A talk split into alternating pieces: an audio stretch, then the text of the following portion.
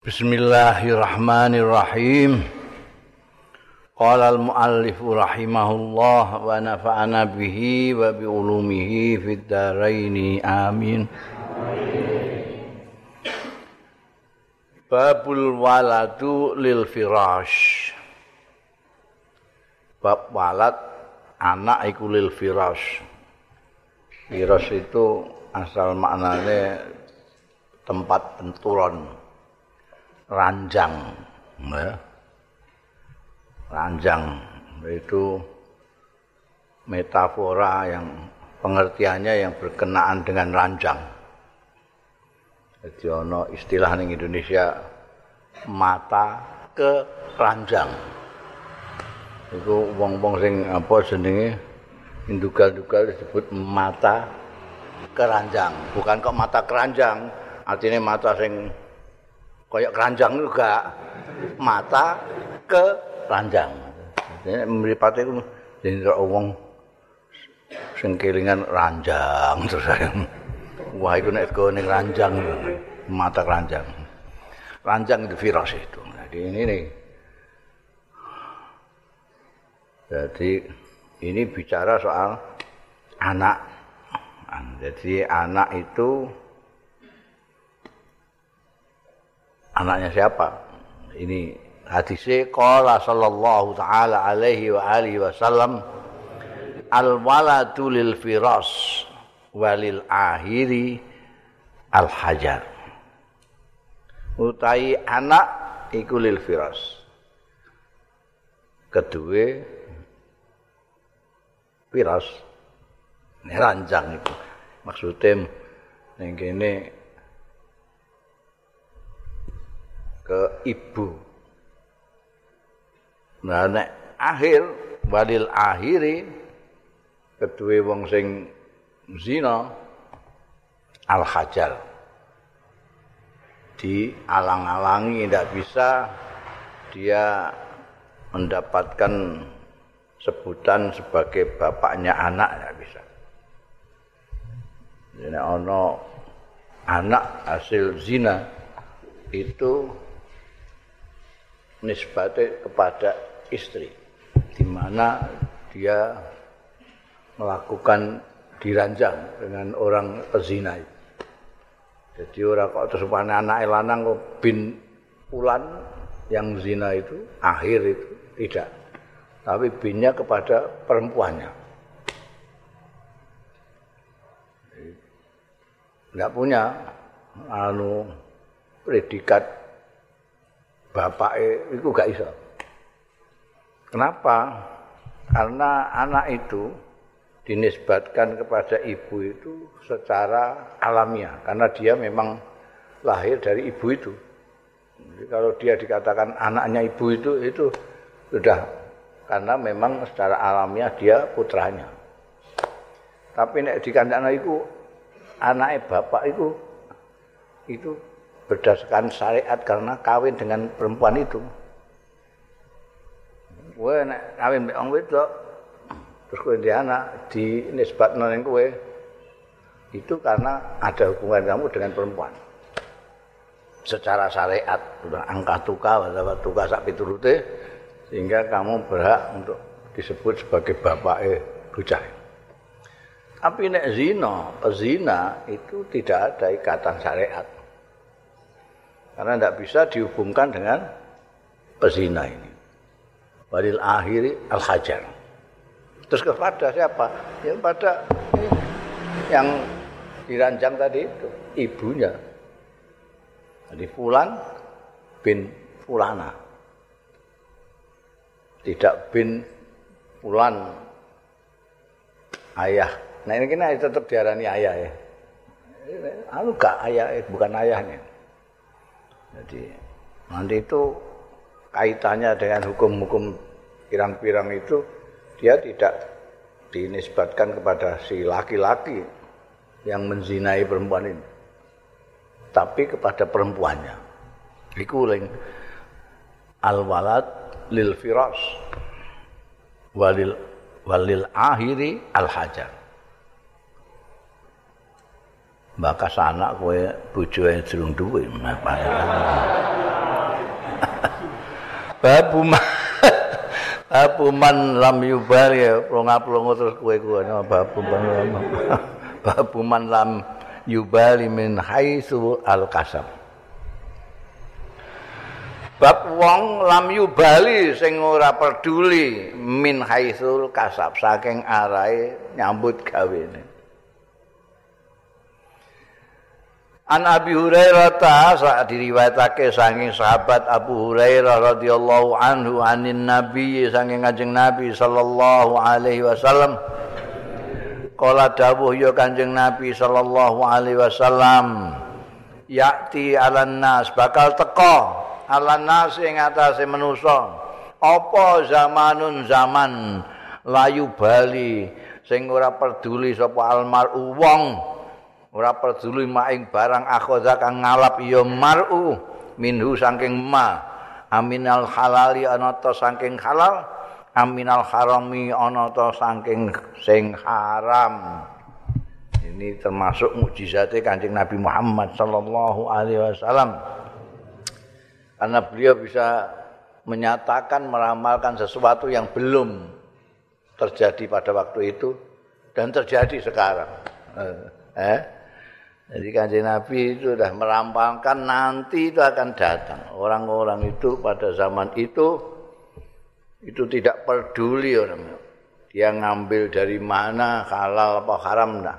Oh, haram halal diuntal itu bakal Dan itu terjadi sekarang. Orang ana wong kok arep mangan terus teliti dulu ini halal apa haram.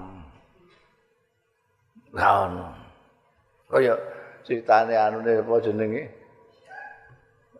Orang tuanya Imam Syafi'i sing nemok delima terus diurut sapa sing duwe iki mang. Mencari sesuatu yang halal. Itu wis gak usum engko nak pada satu saat. Tapi pada saat-saat itu wis wis teko. Ini persis seperti yang diramalkan kanjeng Nabi. Sekarang ini wong wis ora mikir barang halal tak haram. Enak ya diuntal. Wis ngono ae. Iki. Mulai iki Masya Allah. Layu balil mar'u ma'akhadha. Aminal halal, aminal haram. Rapor dulu. Padahal mbiyen itu wah serius banget. Mergo ana dawuh iku halalan thayyiban kulu imarzak nakum halalan thayyiban. Kita makan itu cari yang halal. Di samping yang bergizi, thayyiban itu yang pertama kali adalah halal. Kenapa? Karena ini mbok pangan itu kalau tidak halal, itu nanti jadi darah. Darah yang haram mengaliri tubuh kamu. Nek jadi mani itu malah bisa ke keturunan. Itu pengaruhnya besar sekali. Mulane zaman biyen wah halal itu penting sekali. Jangan sampai ada yang melebu peteng. Bahkan wis ngguri-ngguri wis mulai zaman gak karu-karuan itu. Wis orang ora peduli itu kiai-kiai itu itu sampai dewek-dewekno duwike. Iki mau kondi dapat uang dari mana? Iki tuke dodol gabah-gabahe dhewe, sawah-sawahe dhewe kumpulno dhewe. Iki salaman templek ke pejabat di dewek dewi. itu iki, iki gak jelas iki mengko sapa. Ini wis mulai guri-guri wis ana iki kedadian layu balil mar'u ma akhadha minhu amin halal amin haram itu wis wis ana kiai-kiai wis gawe ngono.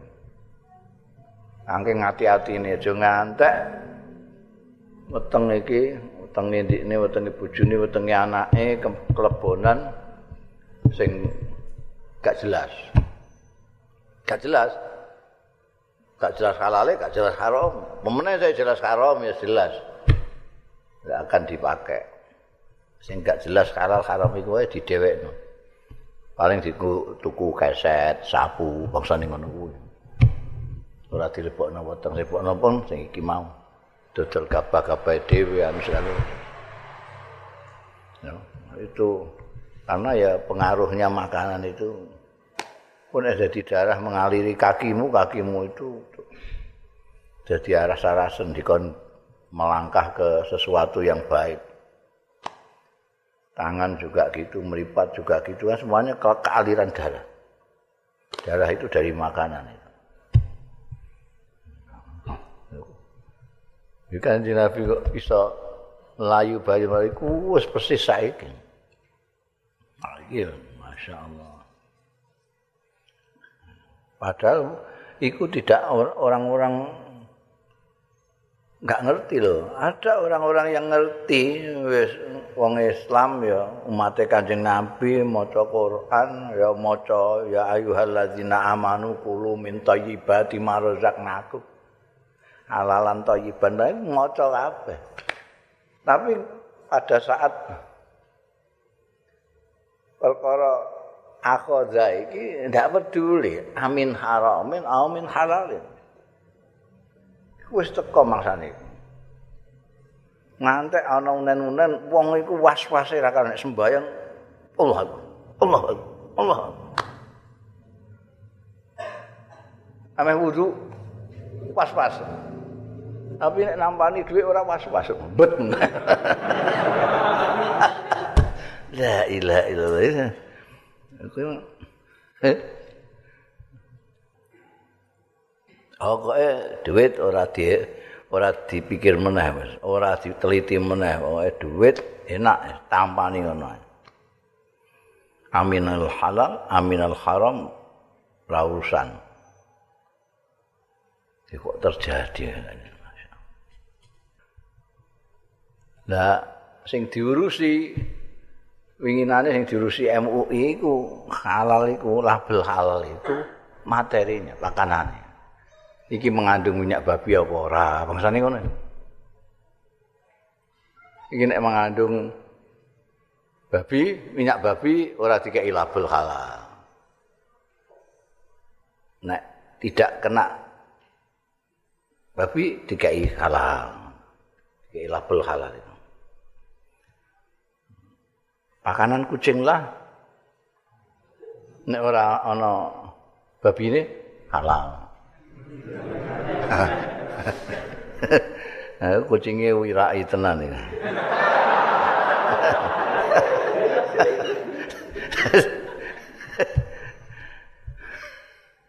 iku aneh.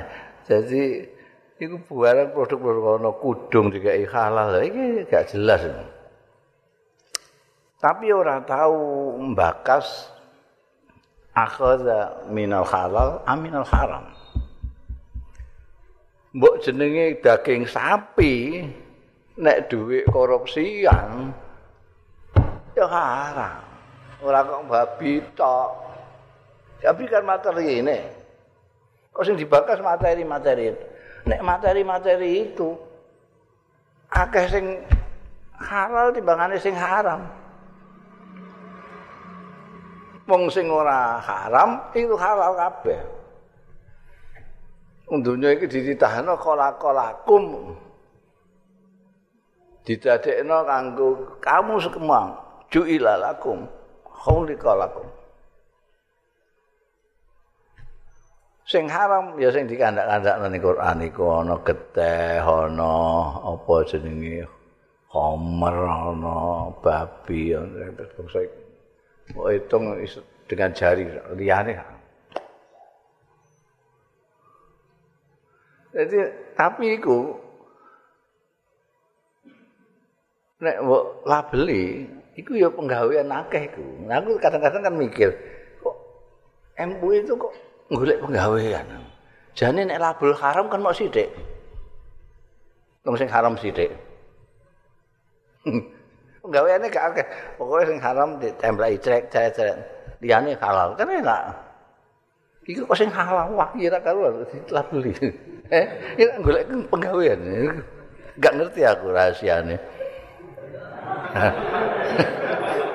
Meskipun ngerti aku ya meneng ae. Mendak jarani anu aku. Apa jenenge penistaan. Iya iki. Kowe pitik lah. Pitik wis enek tulisane halal, wis ana label halal. Tapi dhuwit sing mbok ngutuku pitik iku dhuwit copetan. Dhuwit korupsi. Halal apa haram? Oh. Haram. Iya. Mulane iki hadise ora kok menyebut sesuatu benda yang haram yang haram tidak, tapi akhadha minhu aminal haram au minal haram. Ngambilmu itu dari yang halal apa yang haram. Ini penting ini itu karena sudah datang waktunya ramalan Kanjeng Nabi itu. Sehingga orang tidak peduli dengan dawuh-dawuh Gusti Allah ayyuhallazina amanu kulu minat min thayyibati ma razaqnakum. Dawuh ayyuhar rusulu kulu minat thayyibati wa amal sholihan banyak itu. Anjuran-anjuran untuk mencari yang halal yang baik dan halal itu. Wong saiki wis ora pati ngopeni nah. orang ngopeni iku maknane layu bali. Ora peduli wis kon dia pokoke amplop Hmm. Oh nek wayahe pilihan-pilihan pilkada apa pilpres iku amplop pirang-pirang bertebaran ke sana kemari ya gak ono sing bakas-bakas iki halal apa haram ya. Ya gak tau dibahas ning baksul masail. jadi jadi dibahas ning baksul masail. Apa hukumnya amplop-amplop yang berterbangan pada waktu pilpres dan pilkada? Oh, no. Jawab aja jadi jawab piye Nek ora ya iki fatwa lah.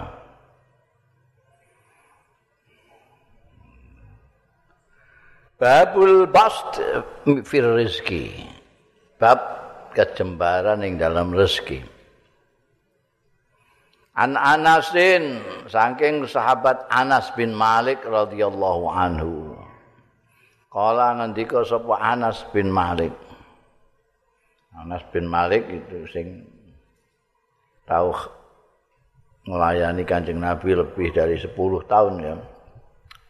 Nah, ini hadisnya lumayan banyak meskipun tidak sebanyak Abu Hurairah. Kala ngendika sapa Anas bin Malik sami tu mireng sapa ingsun Rasulullah ing Kanjeng Rasul sallallahu alaihi wasallam tak pireng yakulu ingkang dawuh ya Rasulullah sallallahu alaihi wasallam. Man sarrahu ta'i wong sing nyenengake ing man apa ayub sato? Yen to dijembarake lalu kedue man wafi rezeki ing dalam rezekine man auyun sa'alahu to den dawakake lahu kedue man fi asarihi ing dalem kehidupane labete man. Fal yasil rahimahu mongko supaya nepung sapa man rahimahu ing kerabate ing familine. Silaturahim itu lho Jadi bahasa Indonesia silaturahim itu. Nepung sanak rahimahu nepung hu ing sana al yasil rahimahu. Sana iman. Ini resep ini resep. Jadi kamu kalau ingin rezekimu jembar umurmu berkah bahwa iku wae supaya nepung sana Ojo malah medot sana. iki dulur tapi terus dijotak ora tahu dihubungi ora tahu disambangi ora tahu ditegur ndak pernah dianu iku medhot sana wah itu wali aneh fal yasil rahimah kaya silaturahmi nepung sana itu zaman modern ini juga menjauhkan itu. Orang dengan sanaknya itu kadang-kadang jadi adoh. Ana wong sing apik karo koncone tapi ambekan dulure malah ora apik itu.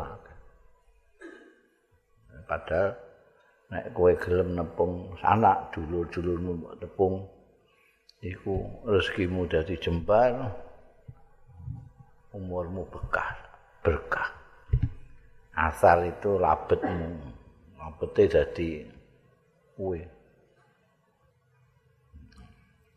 maksudnya dawa umur ya pokoknya dawa umur nek kepengin dawa umurmu jembar rezekimu Jalali silaturahmi. Silaturahmi digencarkan fal yasil rahim. Sanak betul. Supaya ora pedot karo sanak. Itu kita harus berbuat baik sejak awal dengan sanak itu. Karena orang berbuat baik kok ada ana jutaan barang terus pedot-pedotan terus akhirnya ora tepung mana. Babu kaspir rajuli au amali biyade. Bab nyambut gawene wong. Kasbi au amali utawa ngamale wong biyadi kelawan tangane wong. Kasbi atau amal yang padha ae kasbi nyambut gawe, amal ya nyambut gawe. Anil Miqdami radhiyallahu anhu saking sahabat Miqdam radhiyallahu anhu an Rasulillah saking Kanjeng Rasul sallallahu taala alaihi wa alihi wasallam kala ngendika sapa Rasulullah sallallahu taala alaihi wa alihi wasallam ma'akala ahadun. Ora mangan sapa ahadun wong suwiji. Ora mangan ta'aman ing panganan. Qattu babar pisan khairan ingkang luwih bagus min ayyakula tinimbang yen mangan sapa akad min amaliyadihi saling saking penggaweane tangane amale tangane mm, akad. Artinya apa? Dawuhe Kanjeng Rasul sallallahu alaihi wasallam sing paling bagus sendiri makanan itu yang dimakan orang hasil dari pekerjaan tangannya pekerjaan sendiri. Apa tani? Kayak Nabi Adam tani. Apa? Jadi tukang. Kayak Nabi Daud ya. Apa? Angon pedus kayak Nabi Musa. Pokoknya nyambut gawe. Pakai tangan.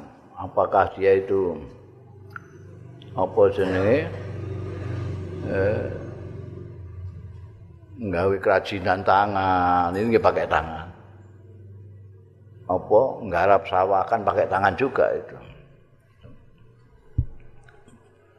Lane nek mbok perhatekno iku sahabat-sahabat Kanjeng Rasul sallallahu alaihi wasallam itu juga punya pekerjaan semua.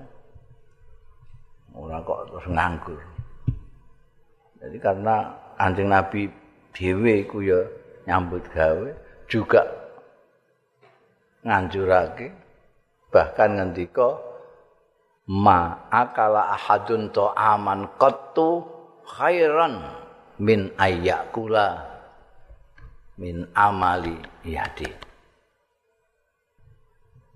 Jak kalah kowe apa jenenge gawe apa? Gawe kursi gawe segala macam itu ndak kalah mbek anggota DPR nganggo tangan soal. Kadang-kadang kan kita itu pekerjaan itu didelok, wah ini pekerjaan mulia, ini pekerjaan rendahan. Enggak ono. Konsep kerja itu semua kerja adalah mulia, Arab. Terutama kerjaan tangan. Kemudian Allah yarham Kiai Bisi Mustafa itu gawe kursi, gawe papan, biar masjid-masjid kene iku ana tulisane nawa itu al iktikaf sunatan lillahi taala. Kok papan. Sak Rembang itu mulai masjid agung sampai masjid-masjid sing kecamatan-kecamatan itu tuku kabeh. Oh. Gaweane abah apik tulisane. Ana centelane tapi. Jangan nggo centelane masjid-masjid. Terus nggawe jadwal sembahyang. Gawe nampan. Nampane iki ing dalil. Apa jenenge? Eh hadis saka Al-Mikdam ini ya. Gawe terus genta-genti gawe sabun, gawe sabun. Baik gawe sabun di akhirnya terus gawe stensil. Jadi nek nulis karangan dicetak dhewe nggo stensil. Tensilane yo gawean dhewe. Kayu dikeki kain. Terus apa jenenge? Ana jenenge kertas stensil itu ditulis nganggo paku. Nanti ngisore dikeki kertas ini diuas.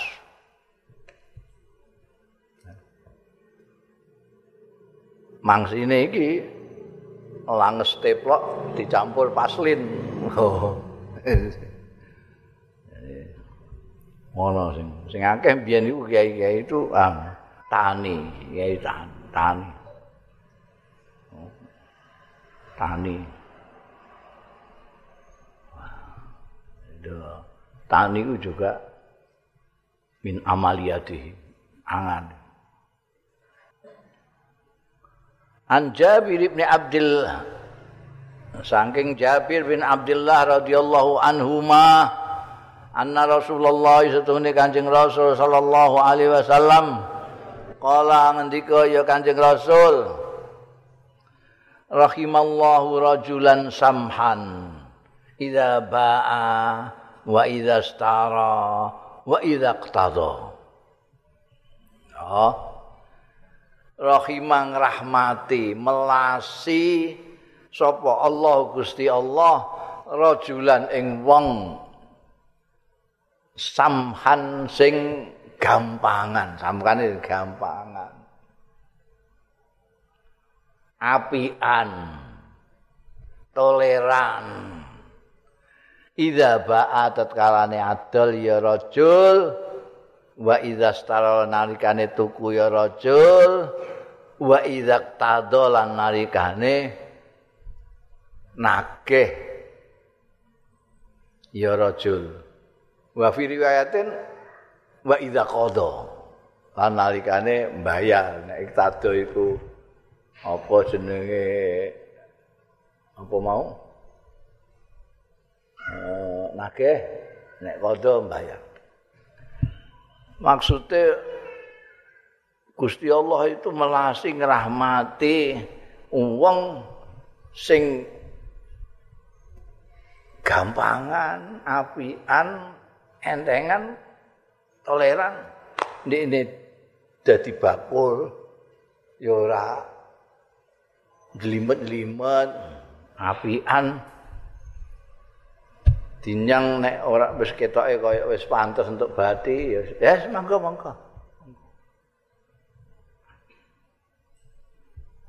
nek pamane produk anu yo kok ngeten no lah sampean sepundi sampean Wah, mboten pati anu ngeten. Warnane mboten pati cerah. Lah nggih Pak ngoten kulaan kula nggih ngoten niku. Lah sampe sepundi to? Nek semanten iki kula nggih wantune nggih mok. Semanten. Nggih pun monggo monggo.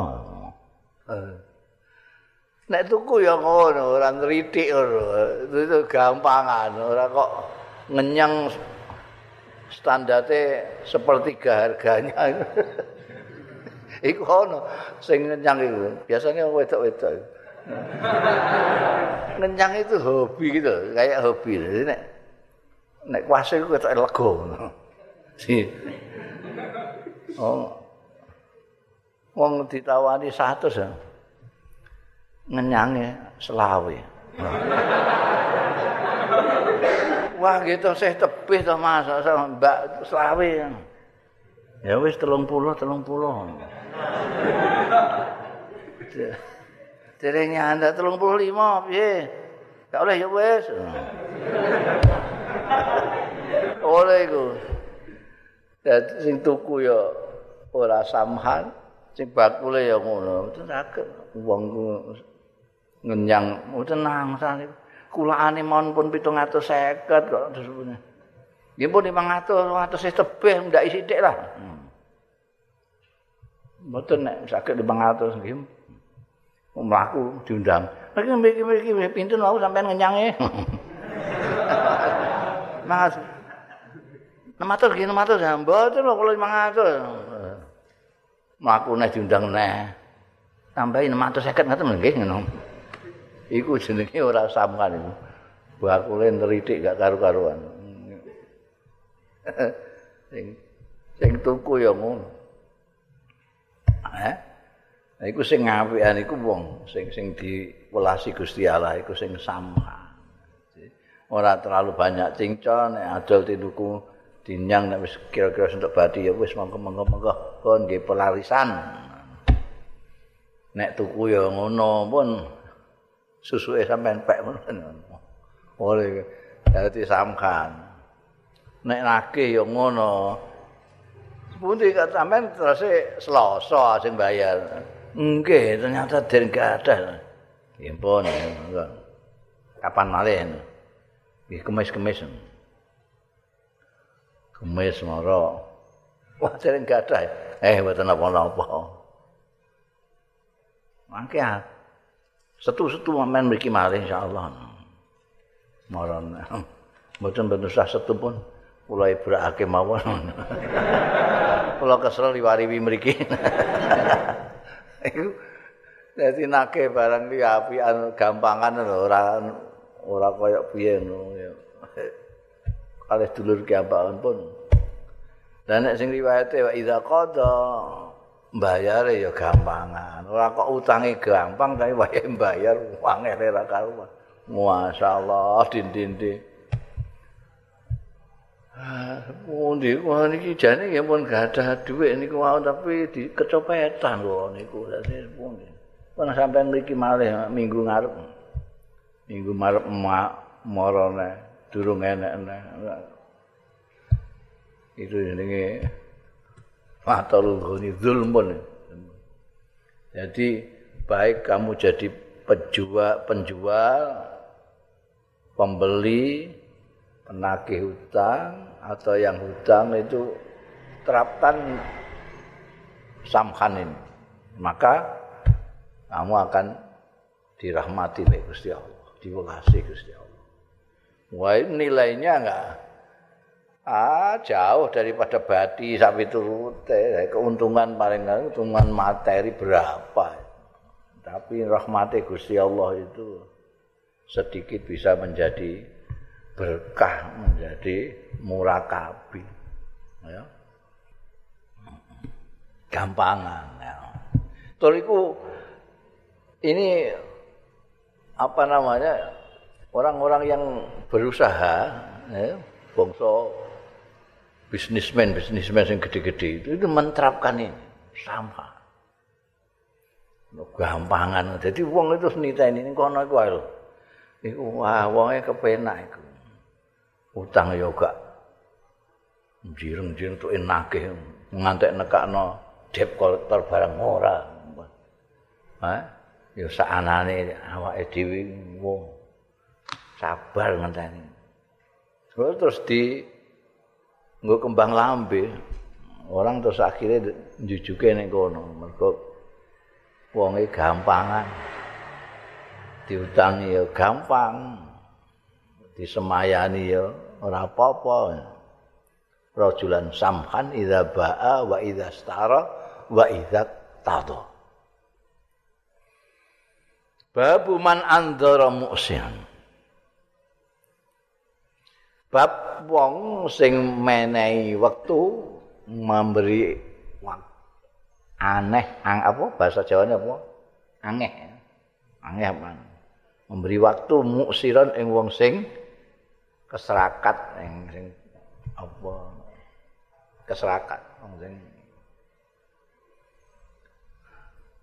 kabotan. An Abi Hurairah ta diwetake saking sahabat Abu Hurairah radhiyallahu anhu anin Nabi saking Kanjeng Nabi sallallahu alaihi wasallam. Kala ngendika sapa Kanjeng Nabi sallallahu alaihi wasallam kana tajirun yudayinun nas. Ana ana yen ana tajirun pedagang yudayinu sing ngutangi ya tajir ana saing wong-wong wa idza ra'a muksiran mongko tetkalane ningali sapa tajir muksiron ing wong sing keserakat sing kangelan. Kala mongko ngucap sapa tajir fityanihi marang wong-wonge pembantu-pembantune pegawe-pegawene karyawan-karyawane tajir. Tajawazu anhu wis anu digampangno ae tajawazu nglewatono sira kabeh anhu saking muksir mau. La Allah menawa Gusti Allah iku ayat tajawaza anna yen membiarkan ya Allah anna saking kita artine ana keliru-keliru sithik dilewati dimaklumi dipahami watajawaza anhu mongko memberikan kelonggaran sapa Allah anhu saking. Memberi kelonggaran sapa tajir anhu saking muksir. Ya. Seperti dawuh Kanjeng Rasul sallallahu alaihi wasallam di hadis lain man yassara muksiran itu. Jadi ini kanjeng Nabi uh, redaksinya itu seperti informasi tapi isinya anjuran juga ya. Informasi. Jadi ono pedagang itu dulu itu ada pedagang ngutangi wong. Tapi nek ndelok wonge kok ketoke kok kapok. Kangelan iki saking iki. Wong jan gak duwe tenan iki. Iso bayar ta ora. Iku Ndekne ya wis ora kok terus malah nekakno debt collector gak. Tapi dipahami dhewe wis ah. Sak duwemu piye iso ora ya. Karena harapannya seperti yang dikatakan pengusaha ini kepada karyawan-karyawannya mudah-mudahan dengan kita memberi keringanan kepada orang yang kesulitan ini Tuhan akan memberikan keringanan kepada kita. Assalamualaikum. Jadi memang ada apa balas. Itu tidak hanya di akhirat tok balasan di dunia bisa terjadi ya seperti ini. Kowe nek ngutangi wong-wong kita kok keberatan meh bayar kita wabote ra karuan. Ndek ini ndek ini dhewe ku duwike dinggo modal cilik-cilikan. Asale perhitungane iku panas banter jadi ya terus dinggo dodolan es kari-kari udan terus ese bobor mbok takeh iki sepundi kula Umi utang jenengan niku ajeng kula nggih dagang.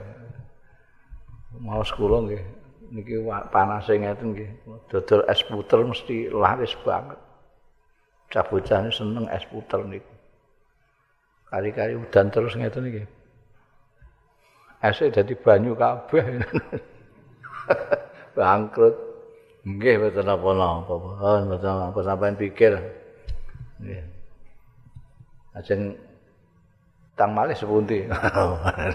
Niku jenenge wong sing apian karo wong sing keserakat. Niku dirahmati karo Gusti Allah.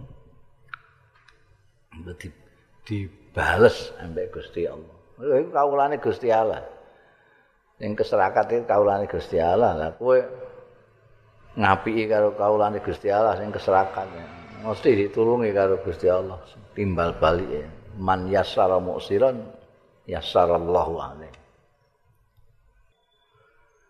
Babu mayam hakul kizba fil bai. Bab barang sing iso menghapuskan kebohongan fil bai ing dalem dol tinuku. An Hakim ibn Hizam saking sahabat Hakim bin Hizam radhiyallahu taala anhu qala ngendika sapa Hakim?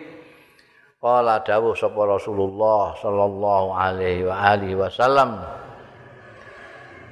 Al bai'ani bil khiyar. Malam ya tahya Al bai'ani bil khiyar. Utawi wong sing dol tinuku bil khiyari iku kanthi milih sida dituku apa ora bil khiyar punya pilihan malam ya tafarraqa sadurunge pisah ya bayiane. Dadi pun niki setia sampean tumbas nggih. Nggih, niki sampean sadi nggih wis iku bagian.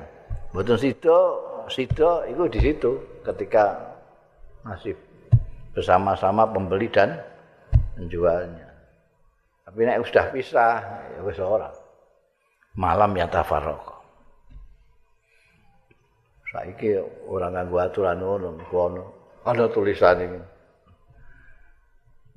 Barang yang sudah dibeli tidak boleh dikembalikan. Nek bisa ngono. Ini mestinya diwaca sik ning nalika isih durung ya tafarraq itu. Supaya ada pilihan bagi pembeli ataupun penjual.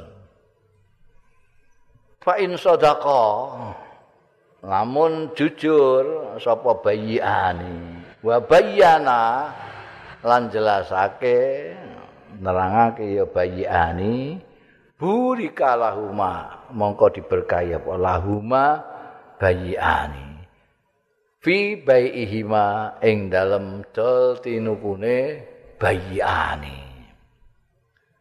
Wa ing katama lamun nyidem tidak bayana nyimpen iya bayiani wa kadzaba lan goroh iya bayiani muhikat mongko dihapuskan apa barokatu bayihima berkae dol tinukune bayiani Ini untuk cekelane orang yang berdagang, orang yang jual beli ya. Itu harus jujur dua-duanya. Jadi kue dodolan iki kawe apa asli itu mbok sebutno iku jujur bayana. Niki terus terang mawon iki ketoke kados sae persis sing kalih asline tapi niki kawin. Niki made in China. Mboten made in Jerman, tiruan. Iki jenenge bayan. Nek kowe meneng ae ora ngandakno iki asli apa kawe. Padahal pembelinya menyangka itu asli padahal itu kawe kowe gak jelas nah iki jenenge katama. berkah tidaknya dagangan itu adalah terletak pada kejujuran di mana semuanya baik yang beli maupun yang anu itu terus terang. Ini duitmu pamane duit suwek ya kandak niki duit rada suwek niki kula tempel kali selotip niki. Oh nggih mboten napa-napa. Niki jarike niki rada anu mrikine anu. Rada belang sithik teng ngene pinggir niki, mboten napa-napa jenengan. Oh niku sing tuku ya seneng. Lah nek seneng ndikne ya terus ngabar-ngabar nembe wong. Terus dadi dagangane laris. Barokah. ora terima barokah laris terberkah. Sebaliknya nek wong tuku ora mbok kandhani ku nek kawe malah nek wis takok niki asli kowe muni nggih ngono. Terus konangan kawe. Lah dikandak-kandak nek wong tuku ning kono neh. Aku wis kapusan. Di samping tidak berkah, anggone dol tinuku dia juga mengorbankan apa namanya dagangan di terus orang disuwur mulane eh, pengusaha-pengusaha yang usahanya sukses itu karena dia mempertahankan reputasi kejujurannya. Nek pancen asli ya disebut asli, nek kawe ya kawe, nek bikinan dalam negeri ya kandakno, dalam luar negeri kandakno. Ini yang membuat bukan hanya berkah dagangane, tapi membuat dagangannya jadi laris. Ya itu sebabnya orang terus getok tular. Seneng karo pedagang-pedagang sing jujur. Nah, ajaran Kanjeng Rasul sallallahu alaihi wasallam dan contoh yang dilakukan oleh Kanjeng Nabi Muhammad sallallahu alaihi wasallam saya pernah mengatakan itu untuk siapa saja. Kowe dadi apa jenenge kepala rumah tangga bisa nyontoh Kanjeng Nabi Muhammad sallallahu alaihi wasallam bagaimana menjadi rumah tangga. Menjadi panglima, bisa nyontoh karena kanjeng Nabi sudah jadi panglima. Menjadi pedagang kanjeng Nabi juga menyontohkan sebagai pedagang dan memberikan ajaran-ajaran bagaimana dagang yang berkah. Mana yang sampai Siti Khadijah luar biasa tuh ngebet karo Kanjeng Nabi Muhammad sallallahu alaihi wasallam kasarane. Antara lain karena tahu kejujurannya Kanjeng Nabi Muhammad sallallahu alaihi wasallam ketika menjadi karyawannya ngedolke dagangannya jadi laris sekali. Gara-gara Kanjeng Nabi Muhammad sallallahu alaihi wasallam menggunakan ini prinsip kejujuran dan tidak menutup-nutupi. Hmm. babu akli riba wallahu a'lam